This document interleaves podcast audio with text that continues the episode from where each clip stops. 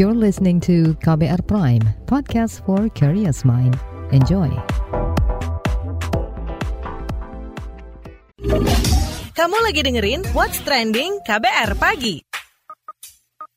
Selamat datang di What's Trending KBR Pagi. Hari ini 30 Maret 2022. Saya Reski Mesanto siap untuk menjadi teman Anda.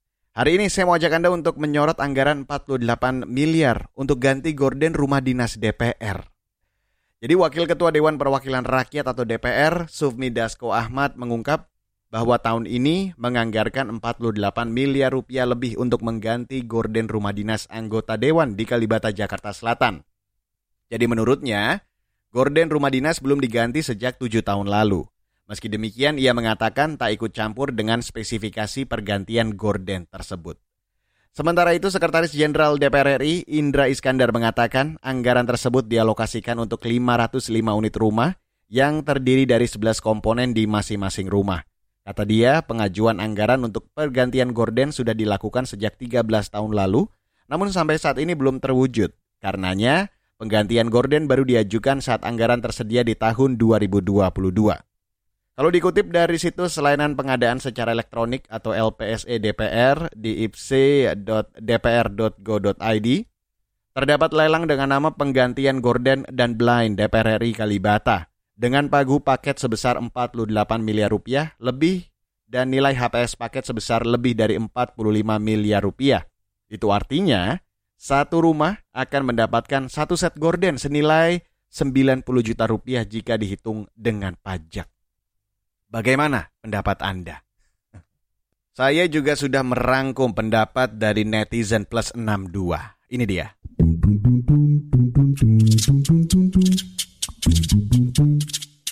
Pertama ke akun app Kimberly 20101. Untuk apa bayar pajak? Di antaranya adalah untuk menyenangkan anggota dewan. Di saat rakyat susah makan, mereka menggelontorkan dana 48,7 miliar buat gorden dan 11 M untuk aspal sekitar gedung. Tidak peka dengan hashtag mahasiswa melawan. Akun at Hasan 09072. Gorden apa sampai 48,7 miliar? Nah, akun at Salehodin 86 Mungkin gorden milik DPR terbuat dari benang emas 24 karat Nah, akun Ed Suryo Blach 2000. Apakah pantas Wakil Senayan minta anggaran gorden rumah anggota DPR RI 80 juta? Sementara rakyatmu minta harga minyak goreng diturunkan ke 14 ribu rupiah? Sangat susah. Ke akun Ed Rita Gelis. Padahal gorden kan bisa dicuci terus dipakai lagi. Apa segede alaihim gambreng gitu gordennya? Akun @dahlan34.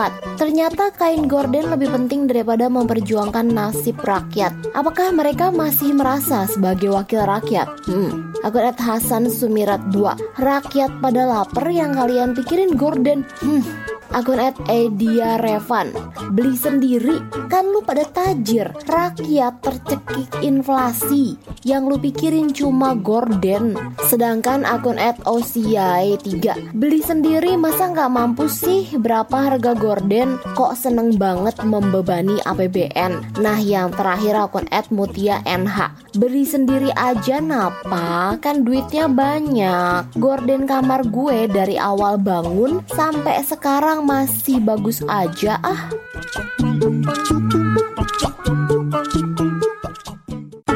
What's trending KBR pagi? Selamat pagi untuk Anda yang baru saja bergabung di KBR pagi. Saya Reski Mesanto menjadi teman Anda hari ini. Dan saudara, seperti apa penjelasan Sekretaris Jenderal DPR RI Indra Iskandar terkait pengadaan gorden dan fitrase di rumah jabatan anggota Dewan? Sekarang saya ajak Anda untuk mendengarkan penjelasannya kepada awak media di Media Center DPR RI Senayan, Jakarta kemarin. Gorden itu terakhir di ada pergantian sebagian di tahun 2009. Sudah sekitar 12 sampai 13 tahun yang lalu. Nah, kesekjenan tidak bisa memenuhi permintaan anggota dewan dimaksud karena belum ada alokasi anggaran dari pemerintah. Untuk keamanan kenyamanan anggota dewan terpaksa harus sebagian anggota ada yang membeli secara pribadi dan itu memang uh, sangat tidak layak untuk untuk gorden uh, sebuah rumah yang bisa menutup pandangan dari luar. Nah, di tahun 2022 ini baru didapatkan alokasi anggaran penggantian gorden dan hanya anggaran ini hanya bisa dialokasikan untuk 550 505 unit rumah. Hanya untuk 505 unit rumah itu per rumahnya rata-rata sekitar 80 juta sekian dengan pajak sekitar 90 jutaan sekian per rumah. Sementara itu, Sekretaris Fraksi Partai Persatuan Pembangunan atau P3, Ahmad Baidowi menegaskan fraksinya menolak pengadaan gorden di rumah jabatan anggota Dewan dengan anggaran 48,7 miliar rupiah atau sekitar 90 juta rupiah per rumah. Menurutnya, anggaran tersebut bisa digunakan untuk hal yang lebih penting, sebab saat ini kondisi gorden di rumah dinas masih layak pakai. Baidowi menyebut dana tersebut sebaiknya dialokasikan untuk membeli barang-barang yang dapat dimanfaatkan oleh masyarakat, seperti minyak goreng yang harganya masih sangat tinggi di pasaran. Menurut Baidowi, gorden yang ada masih bisa berfungsi untuk menutup pandangan dari luar. Kata dia, kalaupun ada yang rusak, hanya bagian-bagian tertentu yang tidak mengurangi fungsinya. Apalagi kata dia, tidak semua rumah dinas ditempati oleh anggota DPR. Berikut pernyataan Sekretaris Fraksi Partai Persatuan Pembangunan atau P3 Ahmad Baidowi kepada KBR. Kalaupun rusak itu paling ya cantolannya itu gagangnya itu aja kalau mau diganti. Kalau kondisi gordennya kan yang terpenting gorden itu tidak tembus pandang dari luar. Itu aja. Ya kami sebenarnya lebih baik untuk anggaran 90 juta itu untuk hal yang lain lah. Soal gorden rumah itu kan tidak urgen. Karena apa? Gorden rumah itu yang ada hari ini memang masih bisa digunakan layak pakai. Yang berikutnya, tidak semua rumah itu kan ditempati oleh anggota. Kalau saya sendiri mendapati rumah ya memang gordennya sudah lama, tetapi menurut saya itu cukup. Tujuan gorden itu apa? Kan hanya menutupi apa pandangan dari luar kalau kacanya itu kan tertutup hari ini, tidak bolong-bolong gitu. Ya memang kadang penganggaran di kesekjenan itu tanpa pengetahuan anggota sehingga menyebabkan anggota yang dibully. Kalau kami lebih baik itu ditunda aja lah diganti anggaran yang lain gitu kan untuk yang lebih bermanfaat. Misalkan diberi diberikan sembako untuk konstituen untuk warga masyarakat yang tidak mampu misalkan 90 juta dialokasikan kepada anggota DPR untuk membeli minyak goreng murah untuk masyarakat itu kan lebih bermanfaat pada hari ini menjelang Ramadan gitu karena kita tahu harga minyak goreng masih tinggi sekali. Kalau lihat kordennya di tempat saya masih layak pakai itu. Yang dilihat tampilannya itu bukan tampilan korden rumah. Ya kalau di rumah pribadi ya silahkanlah mau korden yang seharga 10 100 juta, 200 juta. Ini kan korden korden kordennya untuk menggunakan anggaran negara. Saya kira nggak pas lah ya. Oke, kita break dulu dan setelah break saya mau ajak Anda untuk ngobrol bareng peneliti Seknas Forum Indonesia untuk Transparansi Anggaran atau FITRA. Ada Gulvino Guevarato sesaat lagi. What's trending KBR pagi? Newsbeat. Kementerian Keuangan Ukraina menegaskan pemerintahnya masih membayar gaji dan pensiun. Selain itu, pemerintah juga memberikan uang sebesar 200 US dollar atau setara 2,8 juta rupiah bagi masyarakatnya yang kehilangan pekerjaan akibat perang dengan Rusia. Namun, Menteri Keuangan Ukraina mengaku negaranya mengalami kerugian besar di tengah banyaknya masyarakat yang mengungsi akibat invasi Rusia. Lebih dari 3 juta penduduk Ukraina mengungsi dan tinggal sementara di negara-negara Eropa. Perwakilan Kementerian Moralitas Publik mulai berpatroli di depan gedung perkantoran pemerintahan. Ini disebabkan aturan baru yang diterapkan Taliban kepada para pegawai negeri sipil di Afghanistan. PNS pria dilarang mencukur janggutnya. Mereka yang nekat mencukur janggutnya pun tidak diperbolehkan memasuki gedung pemerintahan di Afghanistan dan terancam dipecat. Pihak kementerian juga mengadakan pengecekan apakah para PNS mulai menumbuhkan janggut mereka dan mematuhi aturan aturan penampilan lainnya seperti menggunakan pakaian lokal, topi, dan serban. The Academy of Motion Picture Art and Sciences tengah mengusut kejadian aktor Will Smith menampar Chris Rock di ajang Oscar 2022. The Academy mengklaim masih menganalisis dan menentukan konsekuensi dari tindak kekerasan ini sesuai dengan peraturan internal dan hukum California. Melalui Twitter, pihak The Academy mengaku tidak membenarkan tindakan kekerasan apa pun. Sebelumnya, aktor asal Amerika Serikat menampar Chris Rock yang berguyon soal kesehatan Jada Pinkett. Melalui media sosialnya, Smith secara terbuka mengakui kesalahannya dan meminta maaf. Namun, ia mengatakan keberatan dengan guyonan Chris Rock soal kesehatan istrinya. Jada diketahui menderita penyakit alopecia yang menyebabkan sistem kekebalan tubuh menyerang folikel rambut hingga penderitanya mengalami rambut rontok sampai kebotakan.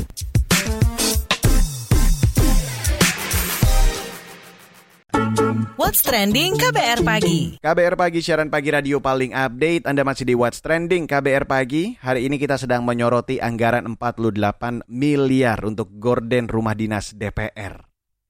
Saudara, Forum Indonesia untuk Transparansi Anggaran atau FITRA menganggap gorden rumah bukan barang yang akan menunjang kinerja DPR.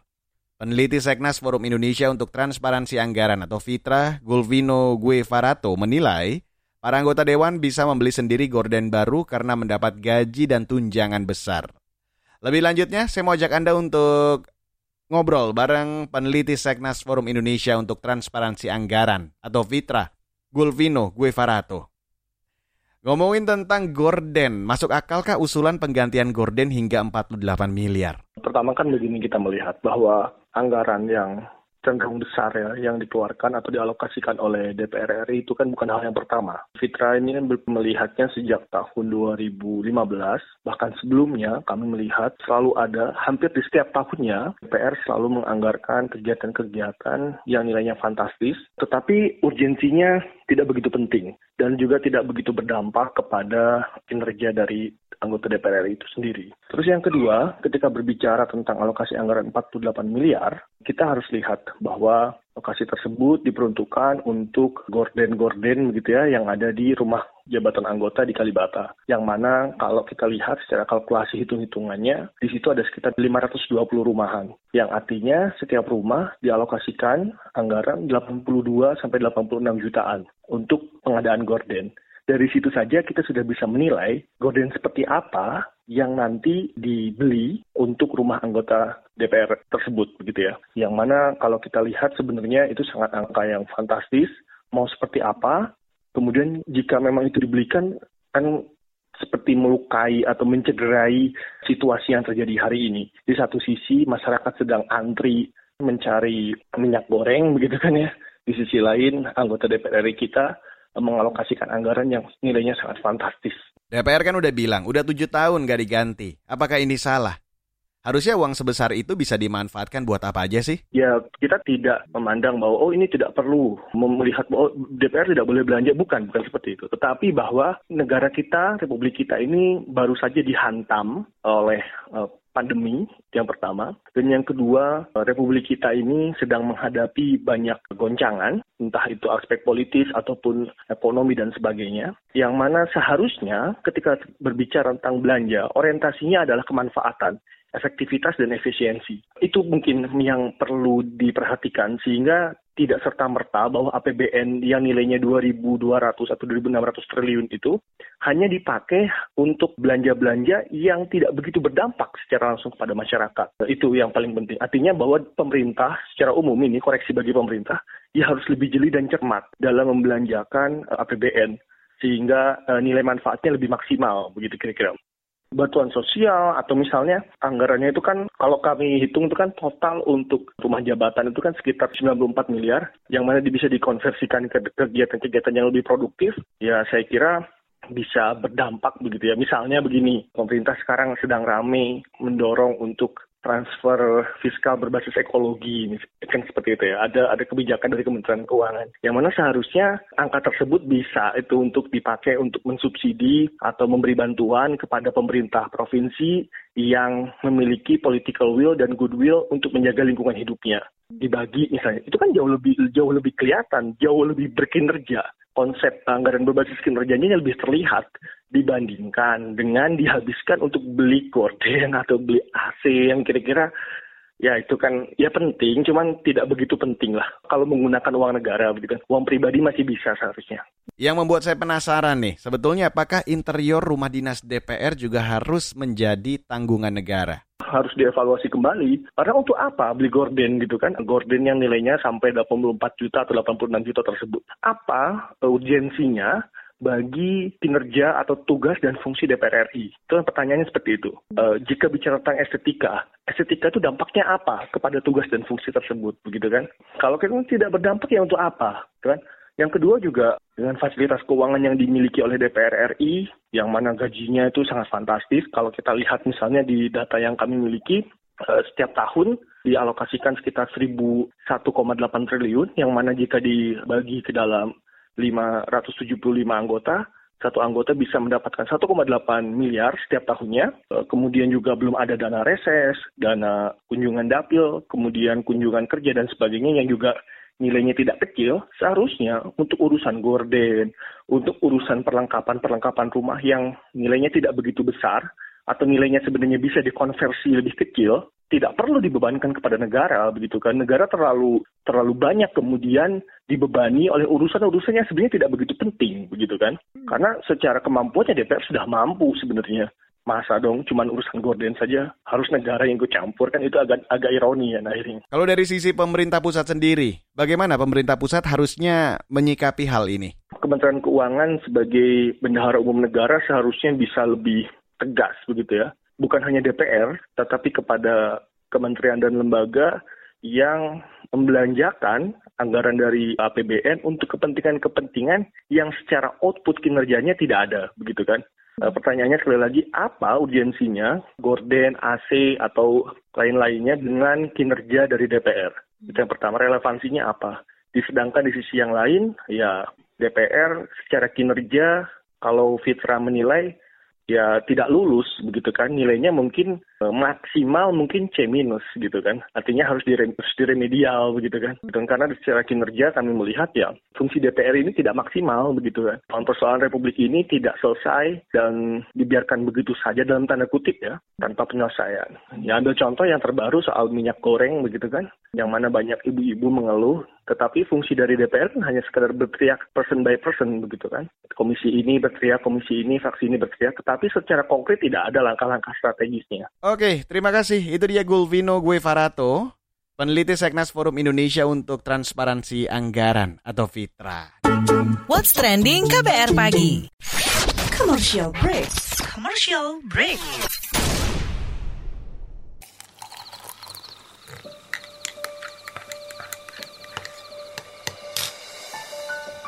Hai, kamu apa kabar? Masih suka menikmati senja dan kopi? Aku masih ingat kebiasaan kita. Sehabis pulang kerja, selalu mencari tempat untuk sekedar ngobrol dan ngopi. Tapi kadang kita kehabisan bahan obrolan. Aku masih melakukan hal yang sama sampai sekarang tanpa harus takut habis bahan buat ngobrol karena aku selalu mendengarkan KBR sore dari Senin sampai Jumat jam 4 sore. Ah, aku rindu. KBR Inspiratif Terpercaya. What's trending KBR pagi?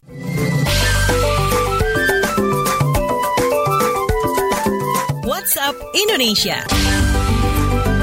WhatsApp Indonesia dimulai dari Jakarta. Menteri Pemberdayaan Perempuan dan Perlindungan Anak Bintang Puspayoga mengecam kasus pemerkosaan yang terjadi pada seorang anak perempuan berusia 15 tahun di Aceh. Diketahui tiga pemuda di Aceh melakukan tindak kekerasan seksual pada seorang anak secara bergiliran. Bintang meminta aparat penegak hukum memberikan sanksi hukum yang sesuai bagi pelaku yang sudah dewasa sehingga bisa memberikan efek jerah bagi pelakunya. Sedangkan pelaku usia anak anak harus dilakukan penanganan yang tepat dan mampu memberikan keadilan bagi korban, pelaku maupun masyarakat secara keseluruhan. Selain itu, Menteri Bintang memastikan ada pendampingan untuk pemulihan trauma bagi korban. Men PPPA menganggap kasus ini sangat memprihatinkan dan meninggalkan trauma berat bagi korban. Di sisi lain, Satreskrim Polresta Banda Aceh telah mengamankan ketiga terduga pelaku di unit Reskrim Polsek Kuta Baro, Polresta Banda Aceh atas dugaan melakukan tindak pidana pemerkosaan dan pelecehan seksual. Peristiwa ini terjadi di dalam bengkel sepeda motor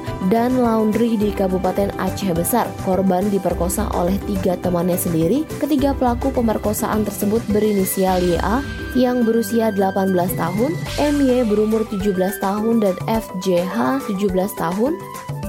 Selanjutnya menuju Lombok, Nusa Tenggara Barat. Perusahaan pembiayaan asal Denmark Danida Sustainable Infrastructure Finance DSIF akan membangun proyek energi terbarukan di Lombok, Nusa Tenggara Barat. Sekretaris Jenderal Dewan Energi Nasional Joko Siswanto mengatakan perusahaan tersebut tengah melakukan kunjungan fisik atau pra-feasibility study untuk membangun pembangkit listrik tenaga biomasa. Joko Siswanto menambahkan proyek tersebut sejalan dengan target realisasi investasi energi baru terbarukan atau EBT sebesar 23 persen pada 2025. Dia memastikan Indonesia sebagai negara berpenghasilan menengah akan mendapatkan 35 persen insentif dari pembiayaan internasional. Masih dari Lombok, Nusa Tenggara Barat, berdasarkan hasil quick count yang dilakukan Kementerian Pariwisata dan Ekonomi Kreatif Kemenparekraf, 75,8 persen masyarakat merasa puas dengan penyelenggaraan MotoGP Mandalika 2022. Saat weekly press briefing 28 Maret 2022, Menteri Pariwisata dan Ekonomi Kreatif Sandiaga Salahuddin Uno mengatakan penyelenggaraan MotoGP di Mandalika mendapatkan respon yang baik dengan tingkat kepuasan yang tinggi. Meskipun begitu, masih ada sejumlah catatan dengan tingkat kepuasan yang rendah seperti terkait transportasi lokal dan juga fasilitas parkir. Deputi Bidang Kebijakan Strategi Kemenparekraf Nia Niscaya menyampaikan demografi pengunjung MotoGP Mandalika 2022 sebesar 72,98 persen berasal dari generasi milenial. Selain Nusa Tenggara Barat, DKI Jakarta dan Jawa Barat menjadi asal provinsi dengan pengunjung MotoGP Mandalika 2022 terbanyak. Selama kunjungan itu pengeluaran rata-rata wisatawan sebanyak kurang lebih 10 juta rupiah. Hospitality dan destinasi pendukung adalah faktor yang mendapatkan kepuasan paling tinggi jika dibandingkan dengan faktor pendukung lainnya. Sementara kebersihan dan transportasi lokal menjadi faktor yang mendapat kepuasan paling rendah. Demikian WhatsApp Indonesia hari ini. Baiklah saudara, demikian kabar pagi hari ini, edisi 30 Maret 2022. Terima kasih untuk Anda yang sudah bergabung pagi hari ini. Selamat kembali menjalankan aktivitas Anda di pagi hari ini. Ingat, selalu patuhi protokol kesehatan di mana pun Anda berada. Hindari kerumunan, kurangi mobilitas, dan tetap gunakan masker bila Anda berada di ruang publik. Terima kasih juga untuk tim yang bertugas pagi hari ini. Saya Reski Mesanto undur diri dari KBR Pagi. Salam. Terima kasih ya sudah dengerin What's Trending KBR Pagi. KBR Prime, cara asik mendengar berita. KBR Prime, podcast for curious mind.